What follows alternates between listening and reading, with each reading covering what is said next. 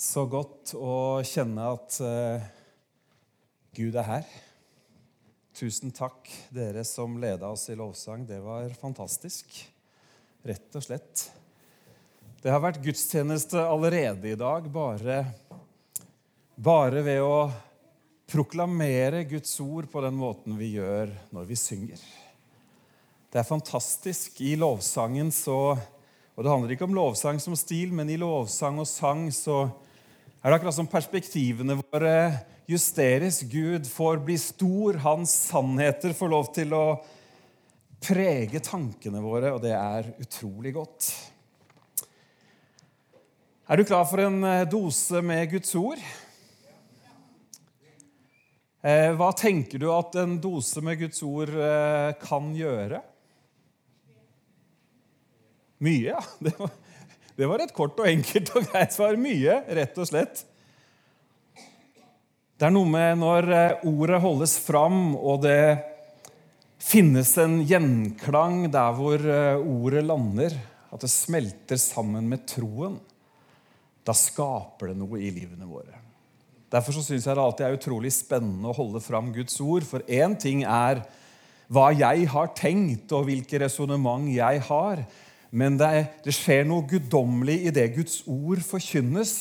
fordi at Da kommer han med sin ånd, og så tar han det ordet som jeg kanskje tenker at jeg har sittet og knadd og jobba og, og, og, tenkt rundt, og så gjør han det levende. Det blir til liv for dem som hører det. Er ikke det fantastisk? Bibelen sier 'Jeg fant dine ord og åt dem', og det ble til fryd for min sjel. Så la oss eh, be sammen. Herre, takk for denne fine forsamlingen. Takk for ditt levende ord. Jeg ber om at ordet skal bli mat. Ber om at du ved din ånd skal åpenbare sannheter for oss. Sånn at det blir sånne nye fyrtårn som vi kan styre etter. Så det blir lederlys lys på vår sti. Amen.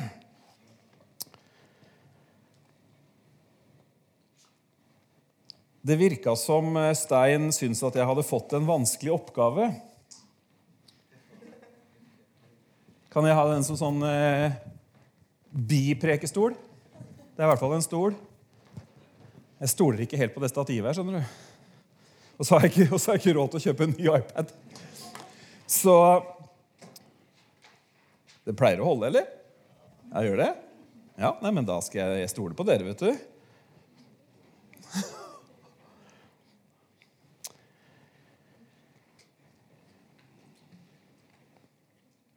La oss lese ikke det som er dagens uh, hovedtekst, kanskje si kveldens. Kom, vi har allerede hatt gudstjeneste i Tønsberg i dag, så det er sånn, vi, vi har allerede varma opp, Emily og jeg. Men det er veldig godt å kunne kjøre to runder da, på en søndag. Det tror vi jo kanskje også at vi trenger å øve oss på. for hvis vi skal klare å, å, å starte nye forsamlinger her og der, og så, videre, så må vi bare se for oss at må, noen av oss må jobbe, jobbe, litt mer på søndagene. Så det er bra. Men dere, la, bli med meg til eh, Johannes 7. Det er fest på den siste store dagen i høytiden. Den store festdagen, står det i den oversettelsen, sto Jesus fram og ropte, 'Den som tørster, skal komme til meg og drikke.' 'Den som tror på meg, fra hans indre skal det, som Skriften, har, eh, som Skriften sier, renne elver av levende vann.' Dette sa han om ånden de som trodde på ham, skulle få. Ånden var ennå ikke kommet, for Jesus var ennå ikke blitt herliggjort. Nå har vi akkurat hatt høytid. Vi har akkurat hatt påske. Jeg må, jo, må nok bekjenne at jeg er ingen høytidsmann, og spesielt ikke rundt påsken. Jeg lever i påsken hele året rundt, så jeg sliter litt med å finne det ekstra giret for å liksom ha påskefeiring osv. Jo da, jeg leser jo oppstandelseshistorien en gang til, blir ekstra takknemlig osv. Men det er jo noe med disse høytidene som hvis man ikke lever i det til vanlig, kan synes noe repeterende. Og det er det jeg tror faktisk at disse som var med på denne høytiden, kanskje også syns løvhyttefest. Gud var trofast i ørkenen. Han gav oss vann fra klippen. Jeg er sikker på ungdommene satt på første rad og tenkte vi har hørt det før. Jeg er sikker på at noen av de voksne satt på noen rader lenger bak og tenkte vi har hørt det før, vi også. Og Så kom de til neste punkt i feiringen i den store høytiden. Og du vet, de hadde, jo, de, hadde jo, de hadde jo, dramatisert dette her. De hadde jo sørga for at, det, at det, de fikk det liksom til å renne vann fra alteret, og noen løp opp og ned med krukka ikke sant, og, og fylte den. Og, og, så begynte de å lese fra profeten Esekel. Ja, nå er vi der igjen, ja. Sa noen av de yngste på første rad, og noen av de eldre på bakerste rad. Og du vet, De leste i den delen av Esekel som ikke den første delen, men den siste delen av Esekiel, som er full av håp, som er full av framtidstro, som snakka om noe, skulle, noe, som skulle komme. Og Nå har ikke vi tid i dag det får Kjell ta på bibelskolen, til å lese alt som står der. Men det sto noe i Eller profeten Esekiel snakka om noe som skulle komme. Jesus snakka om vann som skulle velle fram som en elv.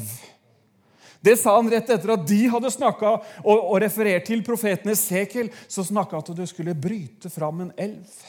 Og overalt der hvor denne elven kom, der ble det transformasjon, der ble det forvandling, der ble det liv. Der fikk det døde en ny runde med liv. Hørt det før. Det er mange av oss som kanskje ikke vil tenke bevisst på det, men når predikanten drar fram historien om, om, om, eh, to små fisk og fem små brød, hva tenker du? Jeg har hørt det før. Kan historien. Men du skjønner at det er noe med at når du begynner å se noen av sammenhengen og noe av helheten, og Guds ånd får gjøre ting levende, så begynner du plutselig Oi! Plutselig, for å si det sånn, så kommer Jesus, og så forklarer han hva det er snakk om. Så plutselig så sitter de på første rad, og de som sitter langt bak der på andre rad, de blir avbrutt av Jesus Kristus sjøl, som roper med høy røst Hvis det er noen som tørster Unnskyld meg, Jesus. Tørster. Det er jo vann og greier her. Vi har jo skikkelig vannsymbolikk her. Altså, hallo, Hvis det er noen som tørster, så kan han komme til meg, og han skal få drikke. Og det vannet jeg gir ham, det blir i ham en kilde Akkurat som profetene Seker hadde snakka om. En kilde som veller fram til liv. Jeg liker liv. Noe som heter liv her? Ja, det er noe som heter liv. Liker sikkert deg òg. Men, eh, men, jeg liker det derre Og jeg er så glad for at det finnes liv da, i det vi holder på med. Og, men de ble litt sånn De ble litt forfjamsa, fordi at Hva snakker han om nå? For Jesus snakka om det som skulle skje. Han snakka om at Den hellige ånd, den tredje personen i guddommen, han som gir gaver, som vi skal snakke om om litt, han kommer. Og han tar bolig i dere. Og det livet, det blir ikke bare et sånt privat, indre liv, men det blir et liv. Og det livet er som en kilde som veller fram med liv. Ikke litt liv, men mye liv. Jesus sier i Johannes 10,10.: 10, 'Jeg er kommet for at dere skal ha liv og liv i overflod.' Så står det her, men dette sa han om Ånden.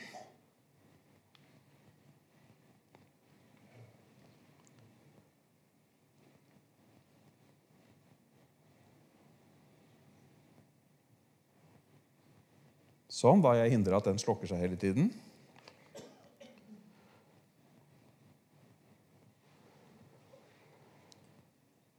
Men hva med oss nå, da? Hva svarer vi på samme spørsmål fra Jesus? Om noen tørster? Er du tørst?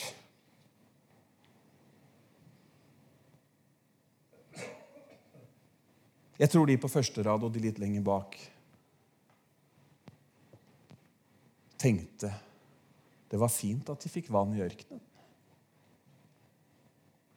Det var flott at Gud var med den gang da. Det er herlig å høre historier fra fortiden. Men det er litt kjedelig på denne høytiden. Det er litt kjedelig å høre historiene, bli kjent med teorien. Men Jesus kommer aldri for å fylle på vårt teoretiske behov. Han kommer alltid med liv. Så han sier egentlig det samme i dag. Om noen tørster, så kan han komme til meg.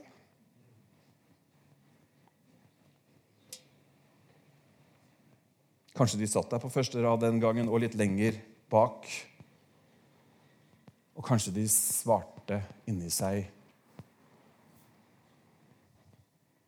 Ja, jeg er egentlig litt tørst. Jeg har lyst til å smake dette, jeg også.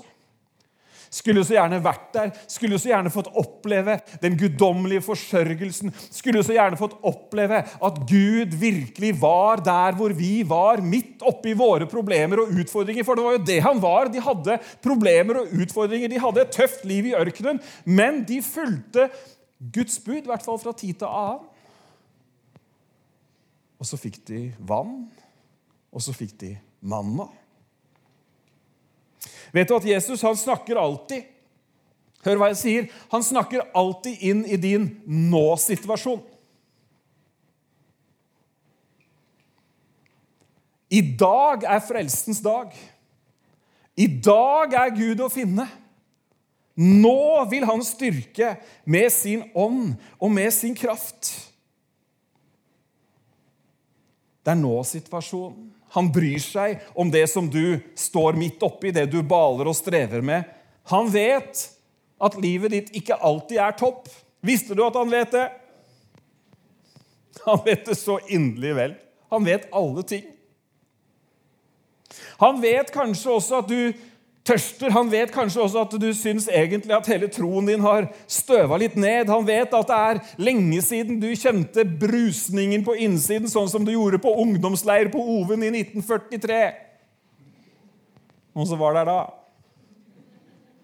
Det er ikke 'hvor var du når Ålesund brant', det er 'hvilken Oven-leir var du på'? Er jeg ikke en sånn Oven-menighet, da?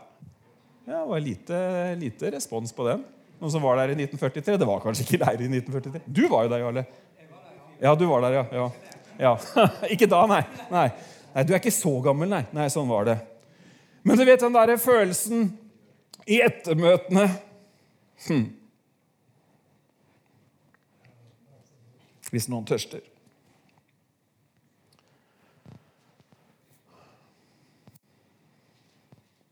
Folk tørster. Menneskene rundt oss tørster. Det finnes en lengsel etter det ekte, det finnes en lengsel etter det guddommelige, det finnes en lengsel etter det overnaturlige, det finnes en lengsel etter, etter å oppleve livet selv. Den hellige ånd, som Jesus snakka om, kobler seg opp til dine og mine behov det vi tørster etter. Vi tørster vel alle sammen. Så vil Gud at vi skal få erfare dobbeltbekken som kommer med liv. Igjen sa Jesus i Johannes 20, 21. Fred være med dere.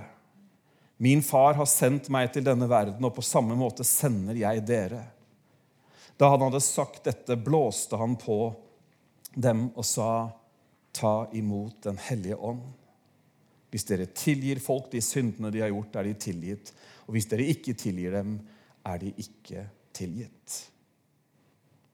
Ta imot Den hellige ånd. Hvordan du og jeg responderer på den invitasjonen, er kanskje det viktigste spørsmålet for alle kristne. Tørster vi?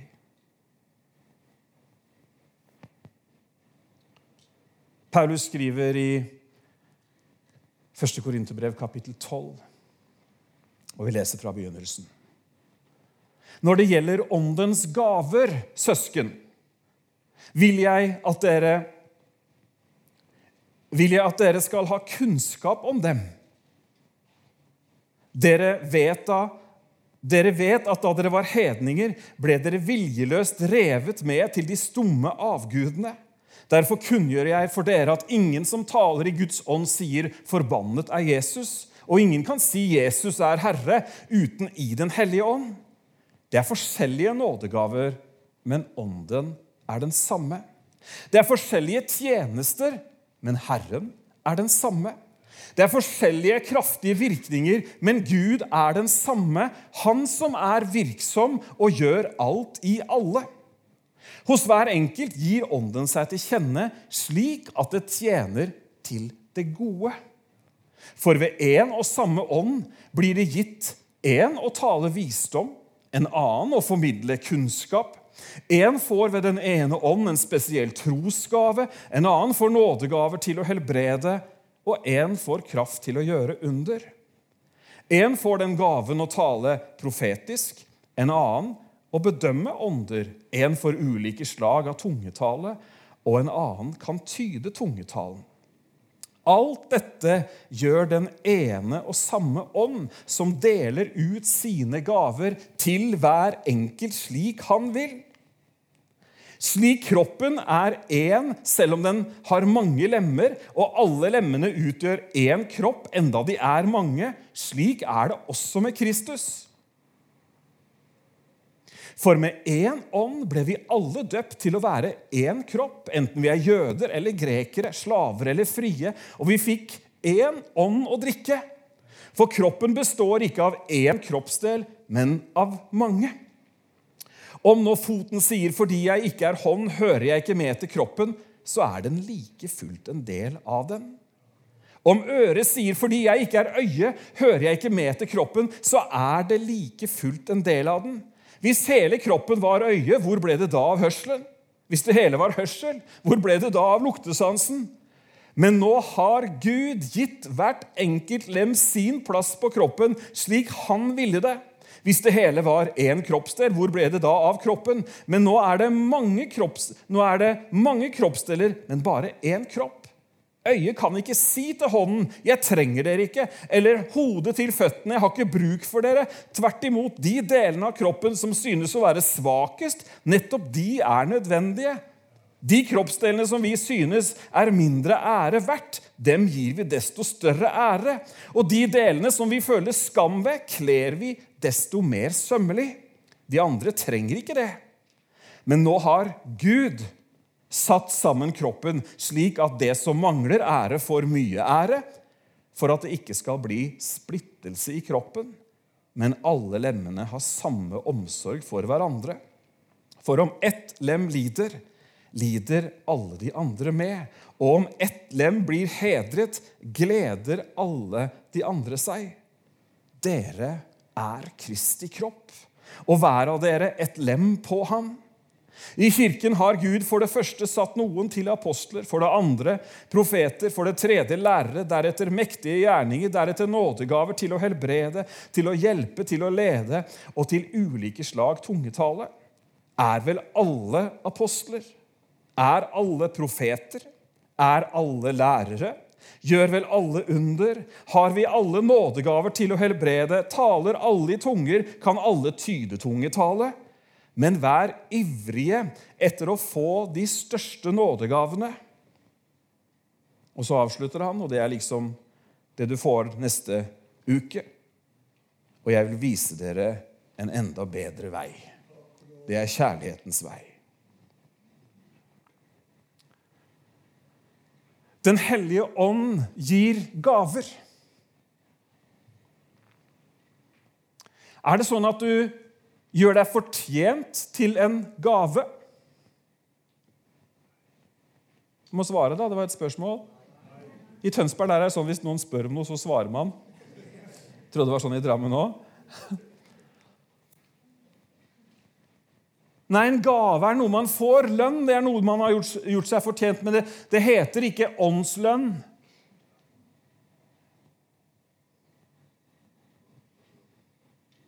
Eller nådebetaling. Men det heter gaver. Og vet du hva jeg tror? At behovet for nådegaver, disse tingene som vi har hørt om her nå, profetisk tale, tunger og tydning, gaven til å prøve ånder, helbredelsens nådegave Alle disse ni som listes opp. Jeg tror virkelig at det er svært viktig, at det er påtrengende, at de kommer i bruk i kristenheten. Jeg tror det. Jeg tror rett og slett at det er kjempeviktig. Hvis vi skal få full effekt i utførelsen av misjonsbefalingen, så trenger vi at flere, og helst alle, tar i bruk de gavene de har fått. Gjennomsnittsmenigheten i verden er på ca. 80 medlemmer, sier statistikken. Det betyr at det er mange som er mindre enn oss som er her, og noen som er større. Det som også statistikken sier, at, er at i de fleste menigheter så er det 20 som står for all jobben som gjøres.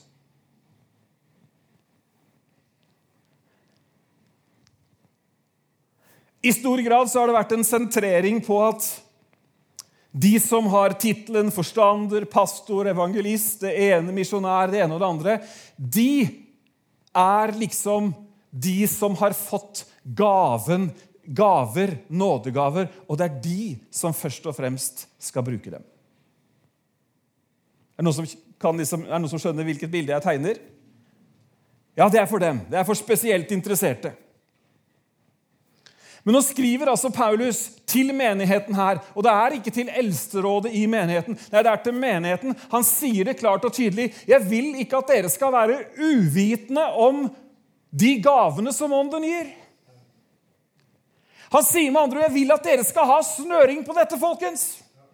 Og så går han ganske langt. Han går ganske detaljert til verks for å få folk til å skjønne hva det egentlig er det er snakk om. Og en sånn tydelig undertone som jeg vil at du skal ta med deg, er at det er Gud som har gitt de gavene. Har du fått med deg den? Det er han som har gitt det. Og han går videre vi skal gå litt videre og se på disse kroppsdelene etter hvert, han går veldig langt i å understreke at Gud gir gaver til den han vil. Vi gir jo gaver til dem som vi syns fortjener det. Eller som vi føler at vi må gi til fordi at de er slekta vår, eller et eller annet. Nå går vi jo snart inn i en sesong som kan gjøre noen og enhver av oss litt uh, fattige. Det er jo, det er jo tentro og konfirmasjonstider osv., og, så videre, og det er ikke måte på nivået på bunader og andre ting. Den var litt intern, da. Det var noen, vi, noen som skjønte hva jeg mente. Men Guds gaver de gir han til den han vil. Og jeg vet ikke om Paulus hadde tenkt at menigheten i Tønsberg eller menigheten i Drammen eller Jeg vet ikke om han hadde liksom klassifisert oss som litt sånn uvitende om temaet, men han skriver i hvert fall brev til disse, og jeg tror kanskje at det, det er gjengs over hele fjøla at det er mye uvitenhet, og det er mange rare forestillinger rundt det som har med nådegaver og åndens gaver å gjøre. Og den første store feilen Jeg kan ikke, jeg kan ikke analysere alle feilgrep i alle generasjoner før meg, men den første store feilen som jeg allerede har vært innom, handler om at vi tror at det er bare for noen spesielt utvalgte. Men Gud, han gir sine gaver. Hvorfor? Jo, fordi han vil oss det beste. Han gir oss gaver som han vet at vi trenger, og han gir oss gaver som han vet at menneskene rundt oss trenger. La oss ta en av gaven. Gaven til å helbrede. Jeg kjenner en som har den gaven. Kanskje ikke på en sånn måte at han får mange førstesider i avisene, men liksom alle i kretsen rundt han, ungene hans og familie og sånn, de ringer til han når de er sjuke. Er ikke det fint, da? Det er jo helt topp. Og så spør, sier de, du, kan ikke du be for meg? Og så har han så mange historier om folk som han har bedt for på telefon, eller som han har bedt om å legge hånda på det syke stedet. eller et eller annet. Men det er så mange mennesker som har blitt friske fordi at han har tatt imot den gaven og bruker den. Det er litt vesentlig, da. Gaven til å tale profetisk. Gaven som handler om å kunne sette Guds lys på en situasjon. Klarhet, retning videre. Det er til stor velsignelse for resten av menigheten. Til stor velsignelse for alle de som ikke har den gaven, og for den som har gaven sjøl. Å få retning på ting. Hallo, er ikke det bra, da? Ja, det var to som syntes det var bra. Det er jo kjempeviktig. Forstå seg på tidene. Hva er det som skjer? Hele boka her er jo full av profetene. Satt og leste kongebøkene i går. Og du vet, Det er jo liksom noen konger som drar det så sinnssykt langt på alle mulige, alle mulige områder at du blir jo nesten uvel av å lese det. Men takk og pris, det er noen profeter som står fram og som sier Så sier Herren, dette er veien, dere må omvende dere, osv. osv. Det er fantastisk med en profetiske gave. Kunnskapsord. Vet du om mange mennesker som har kommet til tro fordi at eh, folk som har gaven å komme med kunnskapsord, helt konkret kunne beskrive et menneskes situasjon for å så kanalisere Guds hjelp og legedom inn i den situasjonen? Et bevis på Guds omsorg. Og så har vi mange andre Vi skal ikke gå inn på alle de gavene. Det skjønte jeg at dere skulle på onsdag. Stemmer ikke det? Kjell? Ikke alt. Nei, nei, klarer ikke alt på en onsdag. Nei, Det er sant. I hvert fall ikke hvis Kjell er læreren. For, der, for der er det dybder, kan du si. Så du må nok sette av noen onsdager da. Men du skjønner at det, det er jo helt utrolig at noen da, til og Det fins noen i dag i 2023 som mener at liksom, ja, nådegavene har opphørt, og det var de første apostlene. og Det fins masse rart. Ikke begynn å søke på dette på Internett. Du blir helt, du blir helt, det er helt ute å kjøre fullstendig. Gud har jo gitt oss disse gavene fordi han har omsorg for oss. For at vi skal kunne bringe sunnhet inn i kroppen, inn i menigheten. For at vi skal bringe lys og retning. Og så handler det ikke om noen konkurranse i det hele tatt. Gud ber oss faktisk om å søke med iver etter de åndelige gavene. Det er lenge siden jeg møtte noen som søkte, de, søkte nådegaver med iver. Jeg må bare være så ærlig. Det er lenge siden jeg snakka med noen i min gjerning som pastor, som i fortrolig samtale kunne fortelle at vet du hva, jeg, jeg søker virkelig å motta flere av de gavene Gud har for meg. Jeg håper det er annerledes i denne delen av østlandsregionen. Men jeg må bare si det er lenge siden.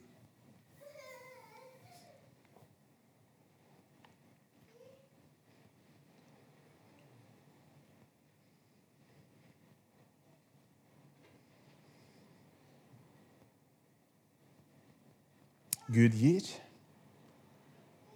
og han ønsker at vi skal bruke det vi har fått så finnes det velsignelse, det finnes resultater, det finnes liv som blir forandra fordi at vi har vært lydige. Ok, jeg har lyst til å snakke litt om denne kroppen som Paulus er så tydelig når han skal beskrive hvordan dette fungerer. Hva er egentlig din og min rolle? Hvordan er det vi skal være i dette landskapet her? For det første, i i, eh, i kapittel Nei, unnskyld, i, i vers 13 så står det Og vi har alle fått én ånd å drikke. Så jeg tror det viktigste og det første som du og jeg virkelig trenger å stille oss inn på, det er å bli fylt av Den hellige ånd. I eh, apostlenes gjerninger på pinsefestens dag så ble de fylt med Den hellige ånd. ikke sant? De talte med tunger, og fra andre regioner forsto hva de sa. og det, det, de jo, de, det, var såpass, det var såpass trøkk på det møtet at de trodde de var fulle. kan du si. Men de ble fylt av Ånden.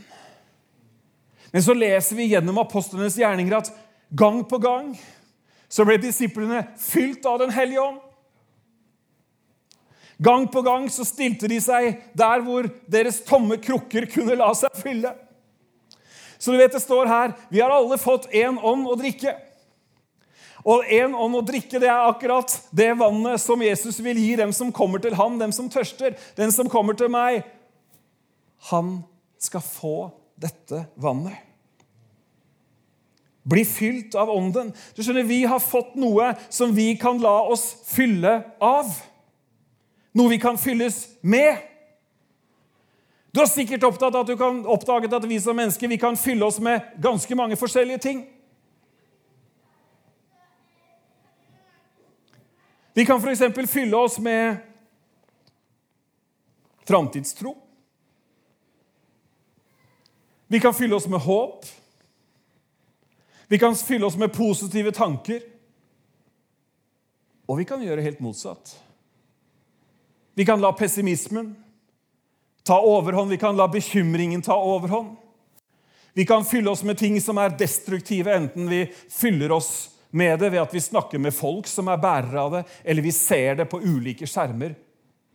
Vi kan fylles av så utrolig mye.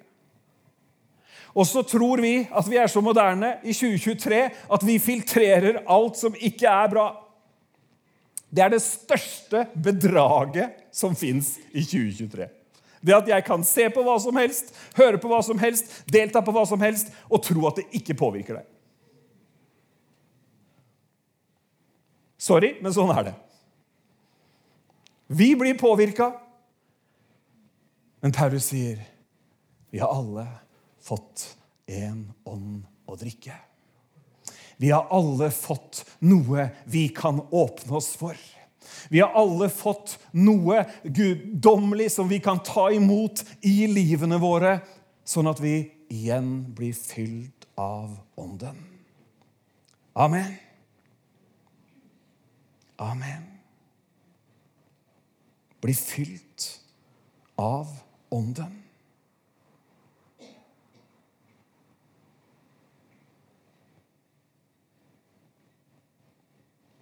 En annen ting som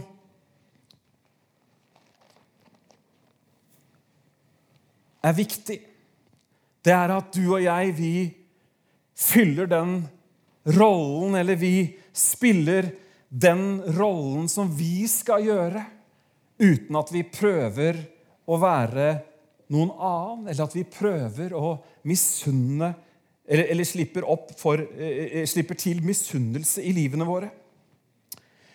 I eh, kapittel, samme kapittelet, men i vers 15 og 16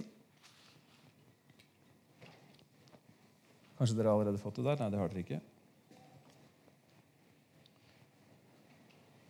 Så står det om nå foten sier 'fordi jeg ikke er hånd, hører jeg ikke med til kroppen', så er den like fullt en del av den. Om øret sier 'fordi jeg ikke er øye, hører jeg ikke med til kroppen', så er det like, like fullt en del av den. Vet du at Gud han satte lemmene på kroppen sånn som han vil at de skal være. Gud har skapt de ulike menneskene som er her, med ulike talenter, med ulike gaver, sånn som de er fordi at han vil at de skal være sånn så er det så lett for oss som mennesker at vi tenker å, jeg skulle ønske jeg kunne liksom være som han eller gjøre som hun. Jeg er liksom ikke sånn, jeg. Hører ikke med, jeg, da. Er dere ikke enige i at Paulus går utrolig langt i sin tydelighet og sier at det går faktisk egentlig ikke an? Hvis vi er en kropp, at en kroppsdel sier at nei, siden jeg ikke er sånn, så, så er jeg ikke en del av kroppen. jeg da. Det er like fullt og herlig en del av kroppen. Er ikke det bra? Akkurat sånn som du er. Kanskje du er en rar liten blindtarm.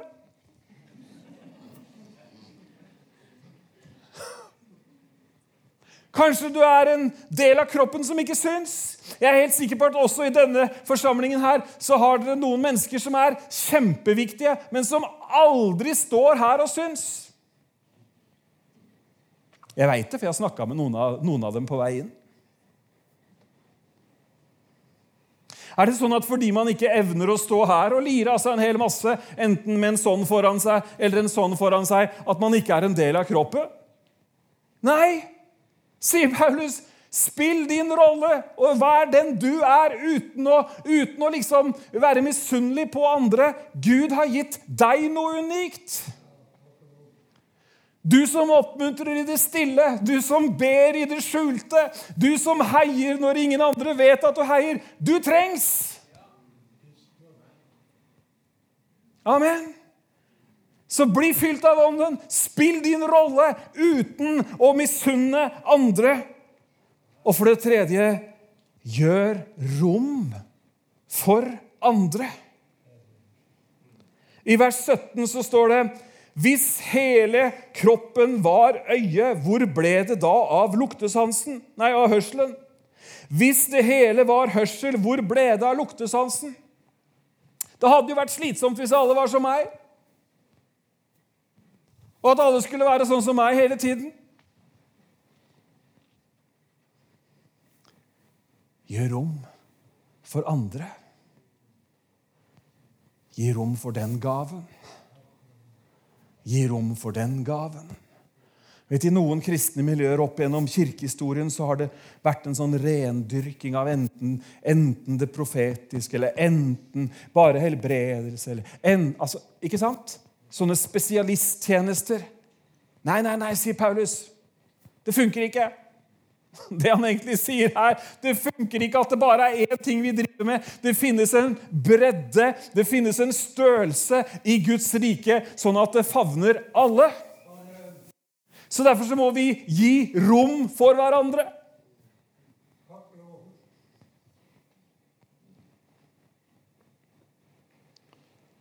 I vers 18-20 så snakker han om at vi skal kjenne vår plass. Men nå har Gud gitt hvert enkelt lem sin plass på kroppen slik han ville det. Tygg på den. Nå har Gud gitt hvert enkelt lem sin plass på kroppen slik han ville det.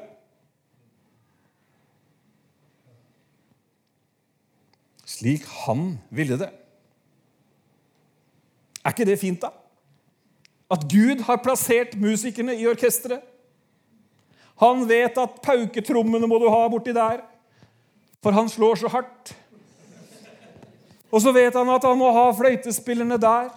Og så vet han at hånda hører hjemme der, at øyet hører hjemme der. Det er, alt er nøye planlagt og arrangert. Er ikke det fantastisk? Han har faktisk plassert det.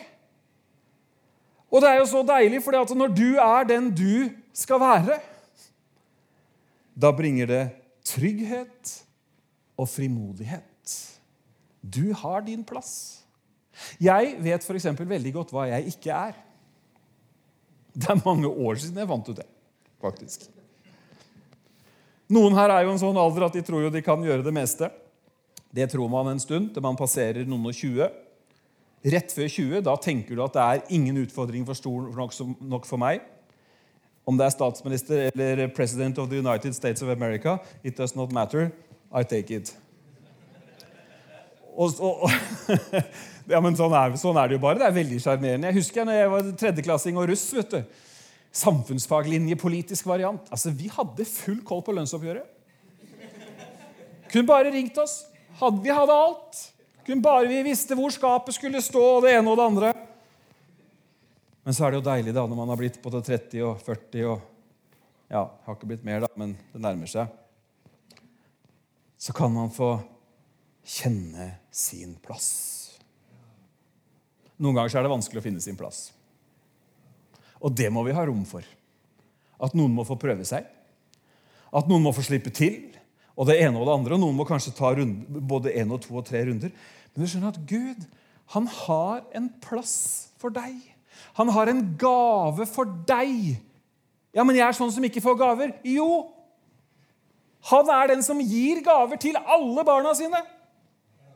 Han er ikke en sånn urettferdig onkel som har favorisert to stykker, og de ti andre får ingenting. Nei, all god gave kommer ovenfra, fra han som er lysenes far. Hos han finnes det ikke skiftende skygge. Han har aldri en blåmandag, han har aldri en dårlig dag. Han gir gode gaver til alle barna sine. Halleluja. Og det er nådegaver. Så det er av nåde. Det er ingen som kan gjøre seg fortjent til noe som helst. Og jeg syns det er fantastisk. I Romerne 12 så står det faktisk at det oppfordrer Paulus oss til å tenke med besinnelse om egen person og plassering. Så vi kan få lov til å være den vi er, og så kan vi la andre få lov til å være det samme. En kropp er sammensatt. Orker du to-tre vers til? Nå har jeg mista tiden fullstendig. Skulle begynne med sånn blinkende lys på et eller annet tidspunkt her. I stad trodde jeg det var brannalarm da ungene kom opp her. Er det sant, det som står der?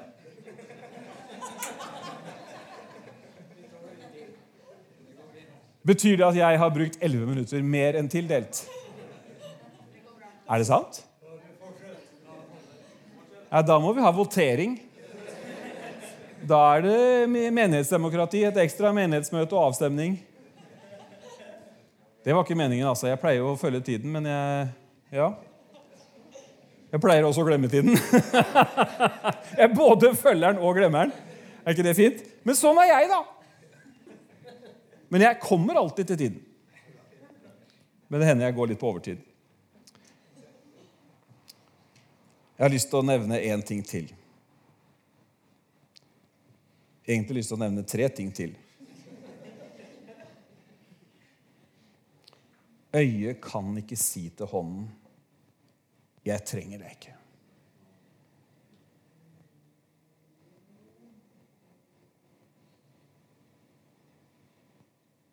Eller hodet til føttene 'Jeg har ikke bruk for dere'. Tvert imot, de delene av kroppen som synes å være svakest, nettopp de er nødvendige. Verdsett. Gi ære til andre mennesker. Gi oppmuntring. Uttrykk takknemlighet.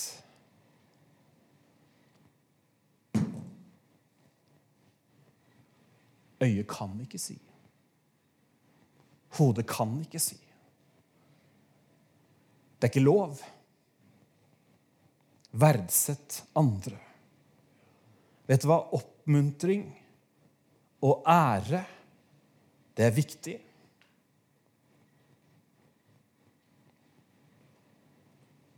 Jeg håper alle her i kveld sørger for at de får snakka med i hvert fall to av denne herlige gjengen som har leda oss i lovsang, og si, 'Vet du hva? Det der var fantastisk.' Takk for at dere gjør det dere gjør. Verdsett andre. Gode ord. Oppmuntring. Det drar framover. Mange her kjenner Bjørn Olsen. Har han ikke en, en eller annen eh, bokstav midt i der òg? Bjørn S. Olsen, er det det, Kjell? Ja, Han som var eh, misjons- og MS-sekretær i Frie Venner. Jeg husker jeg var på leir en gang. Han er jo mye eldre enn meg, jeg vet ikke hvor mye eldre han er, men jeg var i hvert fall en liten gutt og hadde fått i oppdrag å lese et ord til flaggparaden. Mye man skal gjennom i barndommen. Jeg åpna nå min bibel og tenkte at det skal jeg lese. Og det gjorde jeg. Så kom Bjørn bort til meg etterpå. 'Det der var bra, Bent Ove. Du har noe, du. Du har noe å bringe, du. Det der skal du fortsette med. Gud har gitt deg noe.' Det betyr vel et eller annet, da, siden jeg står og nevner det 40 år etterpå. Gode ord. Og jeg har møtt mange sånne opp igjennom, og det betyr noe. Men jeg vet også at nordmenn lider av et syndrom, og det er at vi venter med de gode ordene til minnesamværene. Verdsett andre troende. Nå er jeg så langt på overtid at jeg tar det siste òg.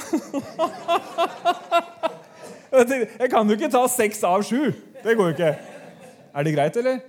Du så litt morsk ut nå, så jeg, ble, jeg kjente at jeg ble litt uh, Litt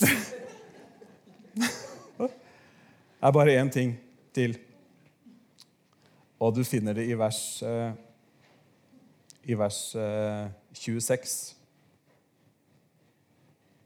For om ett lem lider, lider alle de andre med. Og om ett lem blir hedret, gleder alle seg med det. Vi snakker om rollen vår. Bli fylt av Ånden. Verdsett andre troende. Det siste er ha omsorg for legemet. For tre uker siden så opererte jeg litt ned i foten her. Og det er rart hvordan hele resten av kroppen på en sånn merkelig måte har en bevissthet om at ikke man skal påføre mer smerte. Hæ? Er det ikke fint? Hodet forteller at du må sette foten litt annerledes ned. Hånda sier at nå må du kanskje stryke litt på innsiden. Er det ikke fint? Når ett lem lider, så lider de andre. Ha omsorg for legemet. Dere i fellesskap, eller fellesskap i glede og sorg. La oss identifisere oss med de som har behov, de som er trengende. Jesus, vårt store forbilde, det står om han at han hadde inderlig medfølelse med det. Det var liksom ikke Immanuel, klar deg selv. Men det var inderlig medfølelse. Praktiser gjestfrihet. Det står det også om i Romerne 12. Del ut. Vær gjestfrie. Gjør det som er godt mot alle mennesker, særlig mot de som er i troen. En raushet. En holdning av å dele, en holdning av å gi, en holdning av å hjelpe, en holdning av å støtte en holdning av å være der for å møte behov. Vi hadde et tragisk dødsfall i forsamlingen for noen få måneder siden. En mann gikk bort så altfor tidlig. Men det var også, midt oppi det tragiske, fantastisk å se at det var et legeme der. Det var en kropp som var våken nok til å ta hånd om de sårene som var. Det var praktisk hjelp. Det var middager på døra i ukevis. Det var kjøring, det var hjelp med økonomiske eh, ting. Det var, det var, juridisk bistand. Det, altså, det, var bare helt nydelig å se. Og jeg som pastor jeg kunne egentlig ta to steg tilbake og bare se at legemet hadde omsorg. Det var et lem som led. Men det var andre lemmer som kom til for å lindre. Himmelske Far, vi takker deg. Takk for at du lar oss få drikke av kilden med det levende vann. Herre, jeg ber om en tid hvor flere tar i bruk de gavene du har gitt dem. Og jeg ber om en tid hvor flere søker med iver de åndelige gaver. Jeg ber om en tid hvor sult og tørst får våkne. Ber om tider av fornyelse over ditt folk, Herre. Vi har alle fått én ånd å drikke. Jesus. Kanskje lovsangstime, kanskje dere kommer fram. Så blir jeg minna om eh, Jeg blir minna om et, et ord som ikke, som ikke jeg har i, i notatene mine.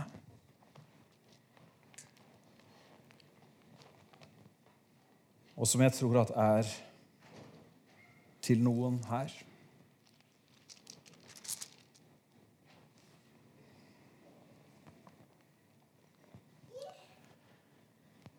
Paulus skriver til sin eh, unge venn Timoteus for å gjøre en lang historie kort. Timoteus var pastor i kanskje verdens største menighet. Keiser Nero herja. Enorm forfølgelse. Medlemmene forsvant fra menigheten. Lederne tørte ikke. De ble tatt til fange under enorme prøvelser. Så skriver Paulus til sin unge venn, og vi kunne lest mange vers, men jeg skal bare lese ett. Derfor minner jeg deg om å vekke Guds nådegave til live. Den som er i deg. Ved at jeg la hendene mine på deg.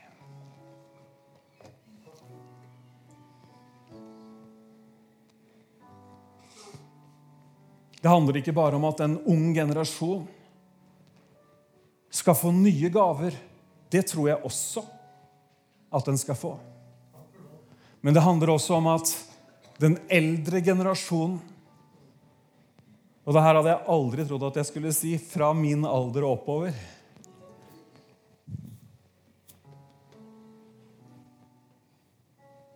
Vekker til live den nådegaven som er i oss.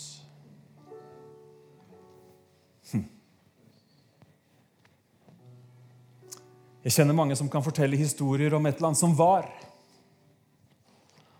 Og det er gode historier. Men det blir ikke noe annet enn gode historier. Men midt i denne situasjonen, midt i disse vanskelighetene, så er det den oppskriften Timoteus får. Du, han minner han på troen. Du vet den troen som var i bestemora di, og som var i mora di, den er også i deg. Og så minner jeg deg om at den gaven som jeg har gitt, den som er i deg, den som du fikk den gangen, og jeg er helt overbevist om at Timoteus han visste hvilken gave det var. Vi får ikke vite hvilken gave det var, men han fikk vite, eller han skjønte hvilken gave det var. Det er jo sånn Noen ganger når man åpner et skap, så finner man Å, den, ja! Den er det lenge siden jeg har sett. Den er egentlig veldig fin.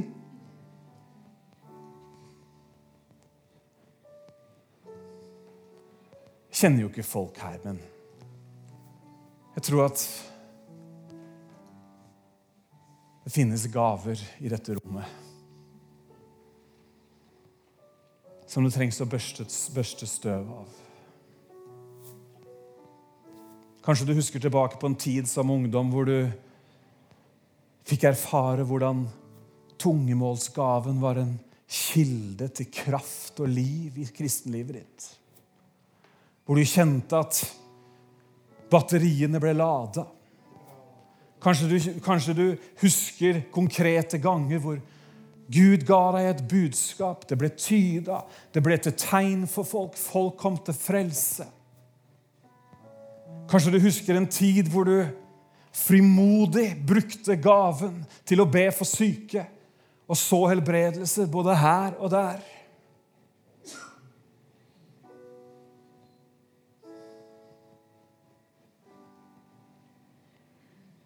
Vekte til live. Skal vi reise oss?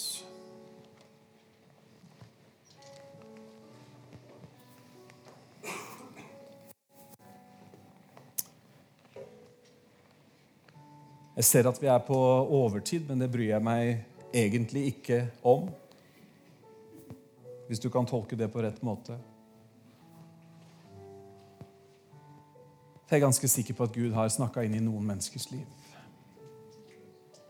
Gud han er en Gud som snakker inn i livene våre, men så lar han alltid det være opp til oss å gi en respons på det han sier. Og lydighet er bedre enn offer. Jeg har lyst til å be en kort bønn, og så synger vi sammen. Herre, takk for ditt levende ord. Jeg ber om at de skal bli tatt imot.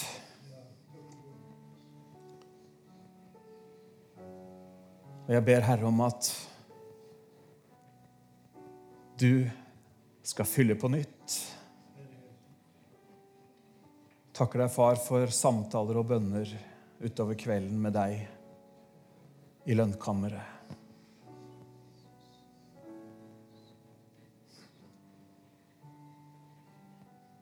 Jesus.